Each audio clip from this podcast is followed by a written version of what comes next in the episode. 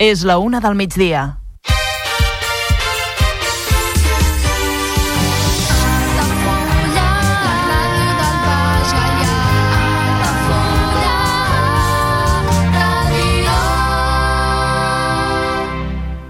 Altafulla Ràdio.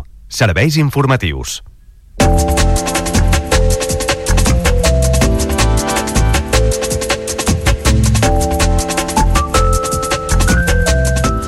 Proposen declarar l'antic Hospital de Pelegrins d'Altafulla com a bé cultural d'interès nacional. L'antic laboratori de l'il·lustre científic Martí Franquès compta amb la distinció europea d'emplaçament europeu històric de la química. Milers de documents de l'arxiu d'Altafulla es passen a format digital per poder ser consultats en línia. El procés s'iniciarà aquesta setmana amb el fons més antic i que inclou imatges, llibres, expedients, actes de ple, padrons i escriptures, entre altres. Un taller de riure ofereix a les persones grans d'Altafulla gaudir d'una estona distesa mentre afavoreixen la seva salut mental. És una de les propostes que s'emmarquen al programa d'activitats de l'àrea d'acció social i gent gran de l'Ajuntament d'Altafulla. Estan en marxa a les votacions de la final per triar el nom de tres carrers de l'àmbit de Safranàs d'Altafulla. Es podrà votar a través de l'aplicació eAgora fins al 23 de gener.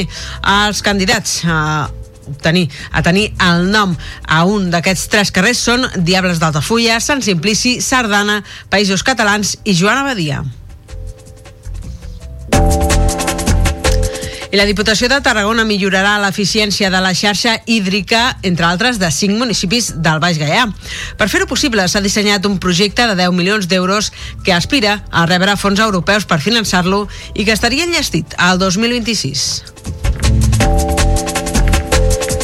Torredembarra torna a reclamar la construcció de la quarta escola al municipi. La matrícula viva, que garanteix que l'alumnat pugui inscriure's amb els cursos iniciats, ha tensionat la situació de les aules molt saturades. En l'àmbit judicial us destaquem que la Fiscalia ha obert noves diligències per intentar aclarir l'origen dels pelets trobats a les platges tarragonines. El cas ha ressorgit ara arran de l'alarma que ha generat la ingent aparició d'aquests elements a Galícia. I en esports us expliquem que l'altafoyenca Marta Camps ha estat nominada com a millor atleta femenina màster del 2023 per la Reial Federació Espanyola d'Atletisme. L'atleta del Barcelona Atletisme competeix amb Esther Colàs i Alejandra Galvez.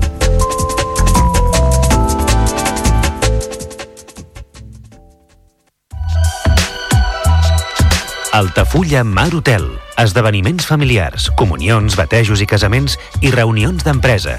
Sales privades amb llum natural, terrassa i accés al jardí, des de 10 fins a 200 assistents. Altafulla Mar Hotel, el teu espai de confiança per a les teves celebracions familiars al barri marítim d'Altafulla. Demana pressupost sense compromís trucant al 977 65 11 55. Altafulla Mar Hotel. Altafulla Mar Hotel patrocina l'informatiu.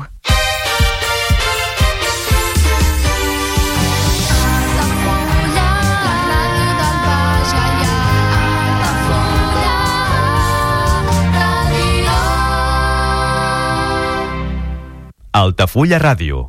Notícies.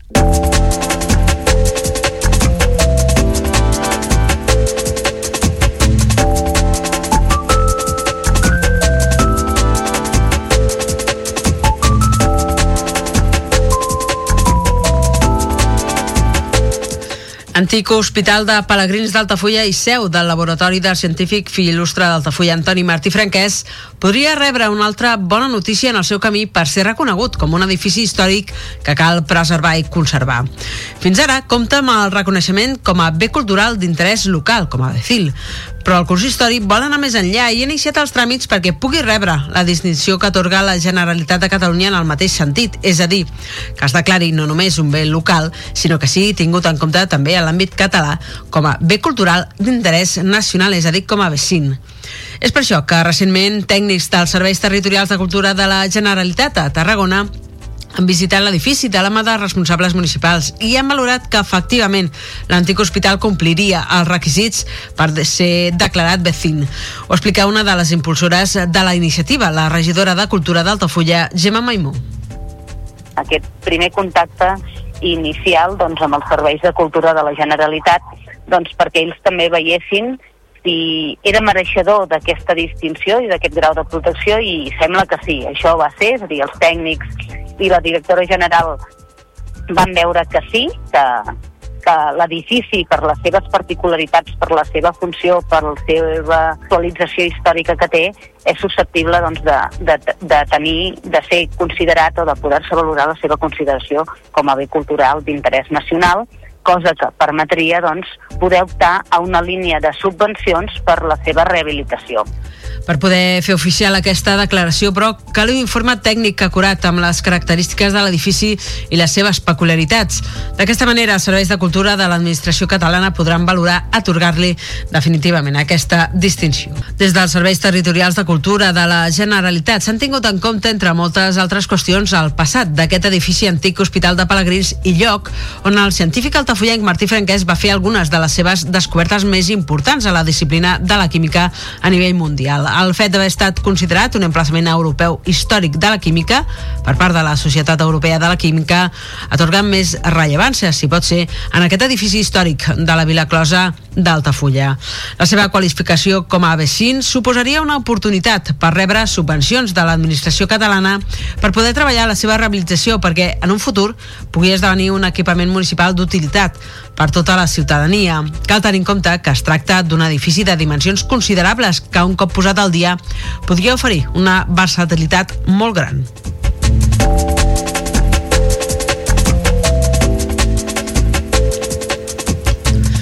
L'Arxiu Històric de Tarragona, que alhora és Arxiu Comarcal del Tarragonès, s'encarregarà de digitalitzar a les pròximes setmanes una part important del fons de l'Arxiu Municipal d'Altafulla. Es tracta de poder comptar amb la versió digital dels documents més antics que romanen a càrrec d'aquest servei municipal i que són molt consultats per la ciutadania. D'aquesta manera es podrà accedir a tot aquest fons a distància des d'un ordinador, un dispositiu connectat a internet, tot emprant el servei d'arxius, el servei d'arxius en línia de la Generalitat que es troba a www.arxiusenlinea.cultura.genca.cat. Així, quan s'enllesteixi el procés que s'inicia ja aquesta setmana, es podrà consultar més de 12.000 imatges. També llibres, expedients i documents únics compresos entre l'any 1788 i 1989, llibres d'actes del ple, padrons o amillaraments, a més de documents destacats com l'expedient de béns comunals, venda i dessecació de la llacuna d'Altafulla del 1788, la construcció del cementiri al 1832 o el llistat de propietaris de terres al terme municipal de Tamarit, datat de 1841.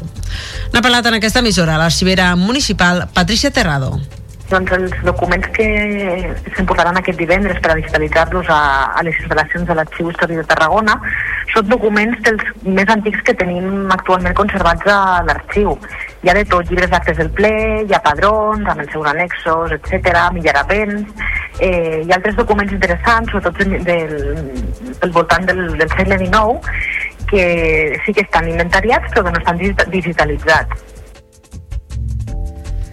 Terrado ha explicat que més enllà de posar més a l'abast aquests documents i facilitar-ne la seva consulta, la digitalització permetrà preservar-los, ja que es tracta d'elements molt fràgils de consulta freqüent i que ara se n'evitarà el seu accés físic. En segon lloc, també el que fa aquesta digitalització és permetre allargar la vida d'aquests documents i preservar-los, perquè eh, són documents molt antics que també es consulten moltíssim, llavors, clar, al final aquesta, anar-los deixant a, a, a diferents persones doncs, també els malmeten. La digitalització que fa permet que aquests mateixos usuaris puguin accedir al document, però en format eh, digital. Llavors, es podran consultar tant a l'arxiu com a arxius en línia i, i bueno, estem allargant la vida d'aquests documents que, que alguns daten des de l'any del segle XVIII. Les tasques de digitalització començaran a finals de gener i tenen una durada prevista de dos mesos. Tenint en compte aquests terminis, es recomana que abans de dirigir-se a la sala de consulta de l'Arxiu d'Altafulla es pregunti si el document que es vol consultar està disponible, ja que pot ser que s'hagi traslladat a Tarragona per participar en aquest procés de digitalització.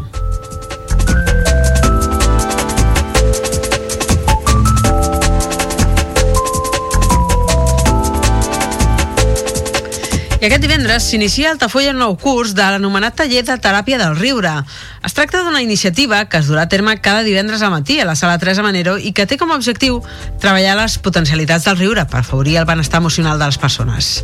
De fet, es tracta d'una de les propostes impulsades des de l'àrea d'acció social i gent gran de l'Ajuntament d'Altafulla en el marc del programa d'activitats per un envelliment saludable.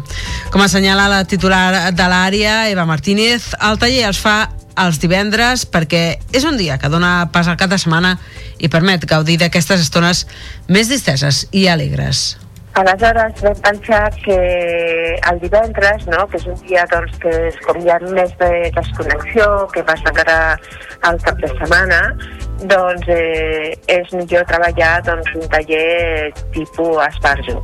I aleshores bé, sabem que la teràpia del riure és una teràpia que té enormes beneficis en el benestar emocional de les persones. I aleshores, seguint aquesta línia i completant la graella de dilluns a divendres, doncs el divendres, en lloc de posar una activitat física, hem posat una activitat emocional, que és la teràpia del riure.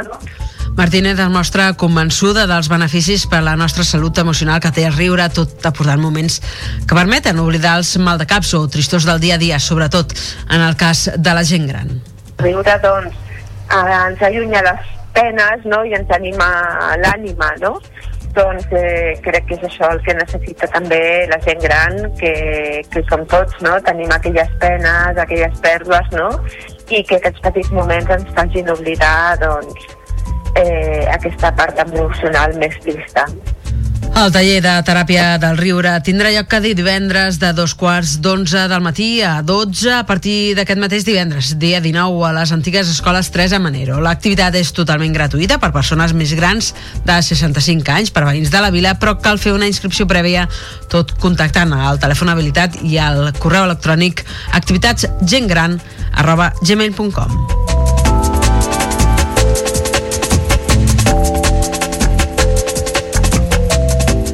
I està en marxa encara aquesta setmana la final de les votacions per triar el nom de tres carrers a l'àmbit de Safranàs, a Altafulla. Efectivament, aquestes es duen a terme als veïns i veïnes a través del procés participatiu iniciat per l'Ajuntament l'any passat i que culmina aquest mes de gener. Es tracta dels carrers de nova urbanització ubicats, com dèiem, a l'àmbit urbanístic de Safranàs, que és l'última de les àrees de creixement de la vila, al límit del terme amb Tarragona. Els actuals carrers A, B i C requereixen d'un nom una mica més digne per poder ser urbanitzats i viscuts pròximament per tots els veïns. L'última passa és destriar tres noms d'entre els cinc finalistes sorgits de les votacions anteriors a través de diverses fases.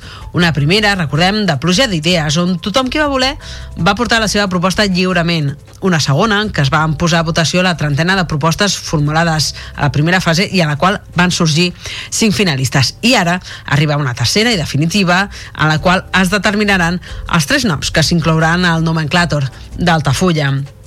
Els candidats són a carrer dels Diables d'Altafulla, carrer de Sant Simplici, carrer de la Sardana, via dels Països Catalans i carrer de Joan Abadia, és a dir, una, tenim en, en Lixa, en Lliça, una entitat tradicional de cultura local, un indret molt nostrat del paisatge del Baix Gaià, la més vella de les danses que es fan i es desfan, el territori coneix la cultura i la parla catalana i una alta foienca amb una àmplia trajectòria a la vida social i cultural de la vila.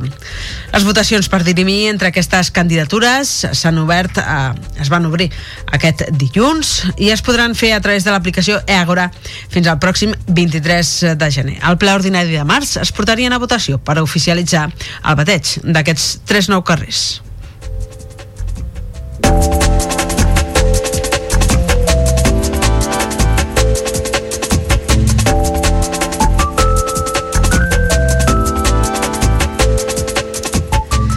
La Nova de Gallà, Renau, la Riera de Gallà, Roda de Barà i Salomó són els cinc municipis del Baix Gallà que es beneficiaran d'un pla de la Diputació de Tarragona per fer front a les pèrdues d'aigua a les xarxes hídriques públiques. Es tracta del projecte de millora de l'eficiència del cicle urbà de l'aigua mitjançant la digitalització.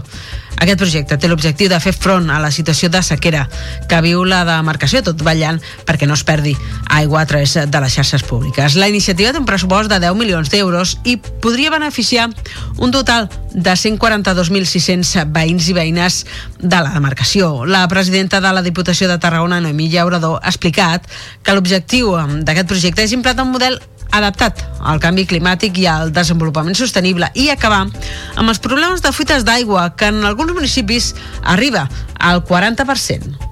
La millora de l'eficiència és una necessitat, és quasi una obligació.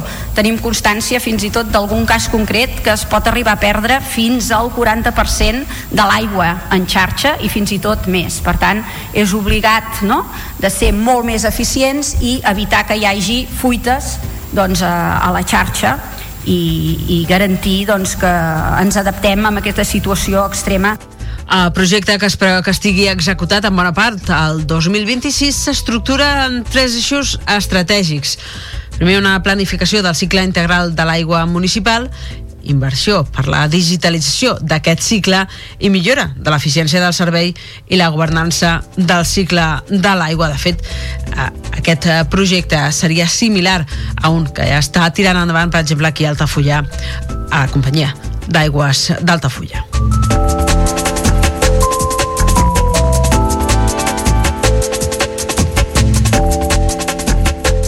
Anem ara cap a Torre d'Embarra, que reclama novament la construcció de la quarta escola al municipi. El regidor d'Educació de l'Ajuntament de la Torre ha traslladat aquesta petició a la Generalitat després de l'increment exponencial de nous alumnes durant aquest curs.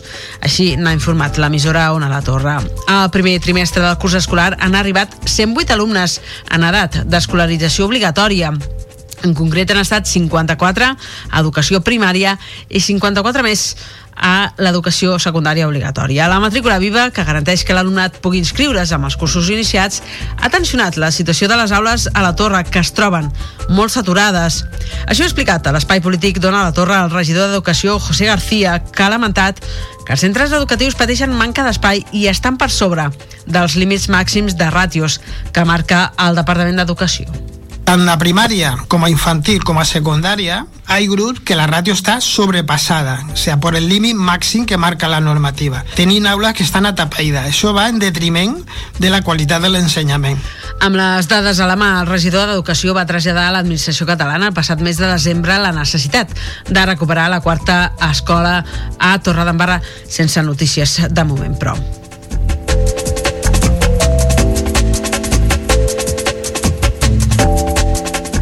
Arribats a aquest moment, és, posem, fem una petita pausa per la publicitat. Tornem de seguida amb més informació de la resta del Camp de Tarragona i també la informació esportiva. Fins ara.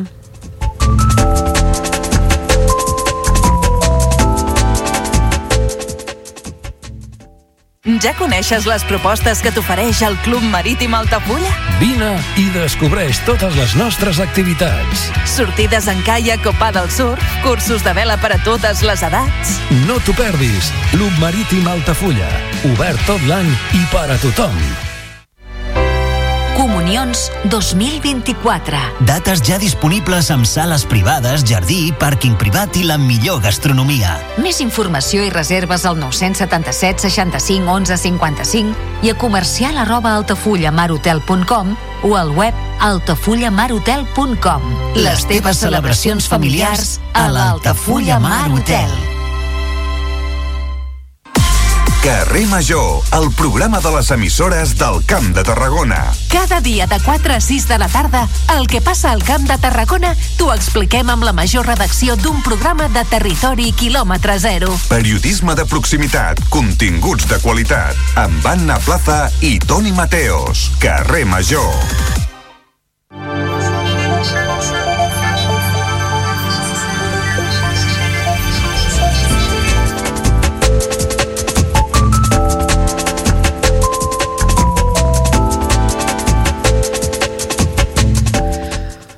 Recuperem l'informatiu d'aquest dimecres 17 de gener del 2024 amb una informació de caràcter mediambiental i judicial, de fet, perquè la Fiscalia ha obert noves diligències per intentar aclarir l'origen dels pèl·lets a les platges tarragonines.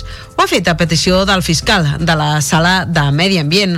La informació l'ha avançat al diari El País i l'ha confirmada també l'agència EFE. Es dona el cas que Fiscalia ja havia obert dues investigacions als anys 2019 i 2021 que es van acabar tancant perquè va ser impossible determinar quin era l'origen concret dels pèl·lets. En aquestes dues ocasions, les denúncies les havien presentat tant el Ciprona de la Guàrdia Civil com grups ecologistes. El cas ha ressorgit ara arran de l'alarma que ha generat l'engent aparició de pèl·lets a les costes gallegues. La investigació de Fiscalia se suma a la que té oberta la Generalitat. Recordem que el Departament d'Acció Climàtica ha obert expedient informatius a 13 empreses. L'ONG Good Karma Projects, per la seva banda, pionera, a denunciar la problemàtica dels pellets a la costa tarragonina i que n'ha fet un seguiment intensiu, creu que encara hi podria haver molts més expedients oberts. Un dels fundadors de l'entitat, Jordi Oliva, ha explicat en una entrevista al programa xarxa Carrer Major que han detectat pèrdua de pèl·lets en tots els polígons i empreses del territori en què es produeixen i manipulen aquestes boletes de plàstic. Bé, doncs hi ha, hi ha més de 60 empreses a Tarragona que operen amb els... Eh, o sigui, operen, manipulen, transporten pèl·lets. Llavors, eh, no seria escavallat pensar que seguís ampliant perquè tenim coneixement, o sigui, no hem trobat, no hem sapigut trobar un, ninguna part d'un polígon, no, no hem sapigut trobar un lloc on no se'n perdessin. Per cert, que qui vulgui, per qui vulgui saber-ne més, eh, aquest mes de març, aquest pròxim mes de març, Good Karma Projects presentarà un documental i una exposició fotogràfica anomenada MET 2050, en què han fet un seguiment dels pèl·lets al Mediterrani.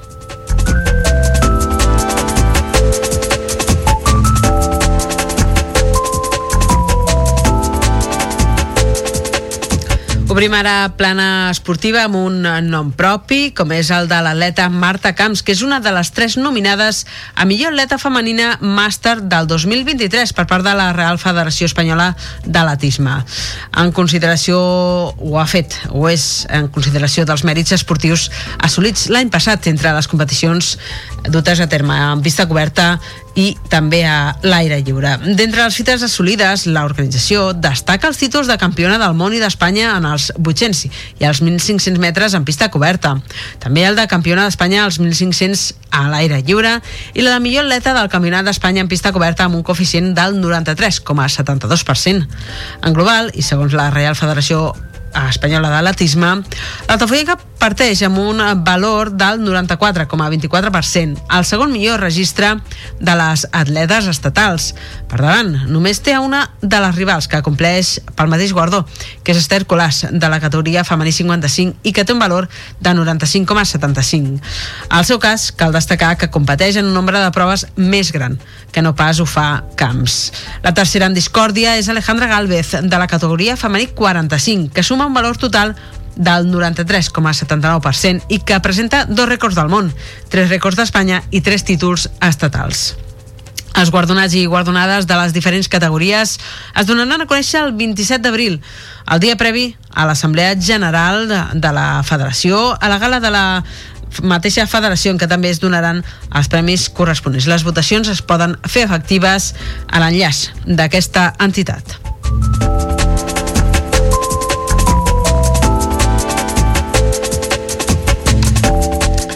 I en bàsquet ens fem eh, ressò del club bàsquet d'Altafulla Bàsquet Baix Gallà femení que ha complet els pronòstics i ha superat el CUE del grup únic de segona catalana, el bàsquet Larbos sub-21, amb un marcador de 24 a 91.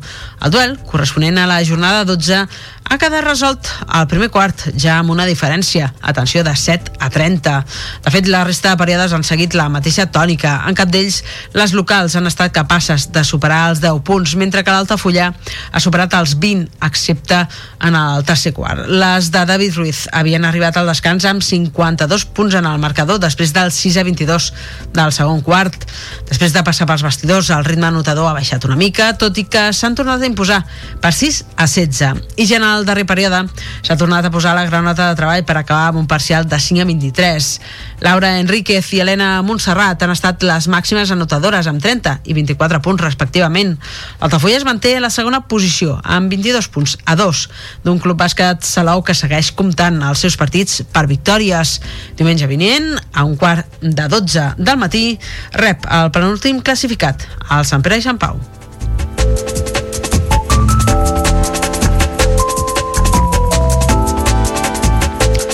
Doncs amb aquests apunts eh, de l'actualitat esportiva de casa nostra, tot emplaçant-vos a continuar ampliant-los. Tot seguit amb el programa Baix Gall Esports del nostre company Marc Pérez, nosaltres el que fem és posar el punt final a l'informatiu d'aquest dimecres, dia 17 de gener del 2024, com sempre en directe al 107.4 de la FM, de la freqüència modulada. També ens ha pogut seguir en directe per aquells que tingueu un mòbil en sistema operatiu Android per l'APP, per l'aplicació d'aquesta casa. Igualment també ho heu pogut fer a través del canal d'Altafulla Altafulla Ràdio a la televisió o bé a través del nostre web www.altafullaradio.cat Aquí també podeu recuperar la gravació, el podcast d'aquest informatiu, així que ho desitgeu. Igualment en les uh, xarxes socials Facebook i X, l'antic Twitter, a, a través del perfil d'Altafulla Ràdio, us porten a l'última hora del que passi a, a casa nostra. Res més, eh, des dels estudis del carrer Marquès de Tamarit d'Altafulla, els estudis d'Altafulla Ràdio, tot l'equip que fem possible aquest programa us saluda ben cordialment, en especial una servidora qui us està parlant en aquests moments, la Carol Cuata, que us envia una forta abraçada. Ens retrobem a les pròximes edicions de l'informatiu d'aquesta casa. Que vagi molt bé el dia. A reveure.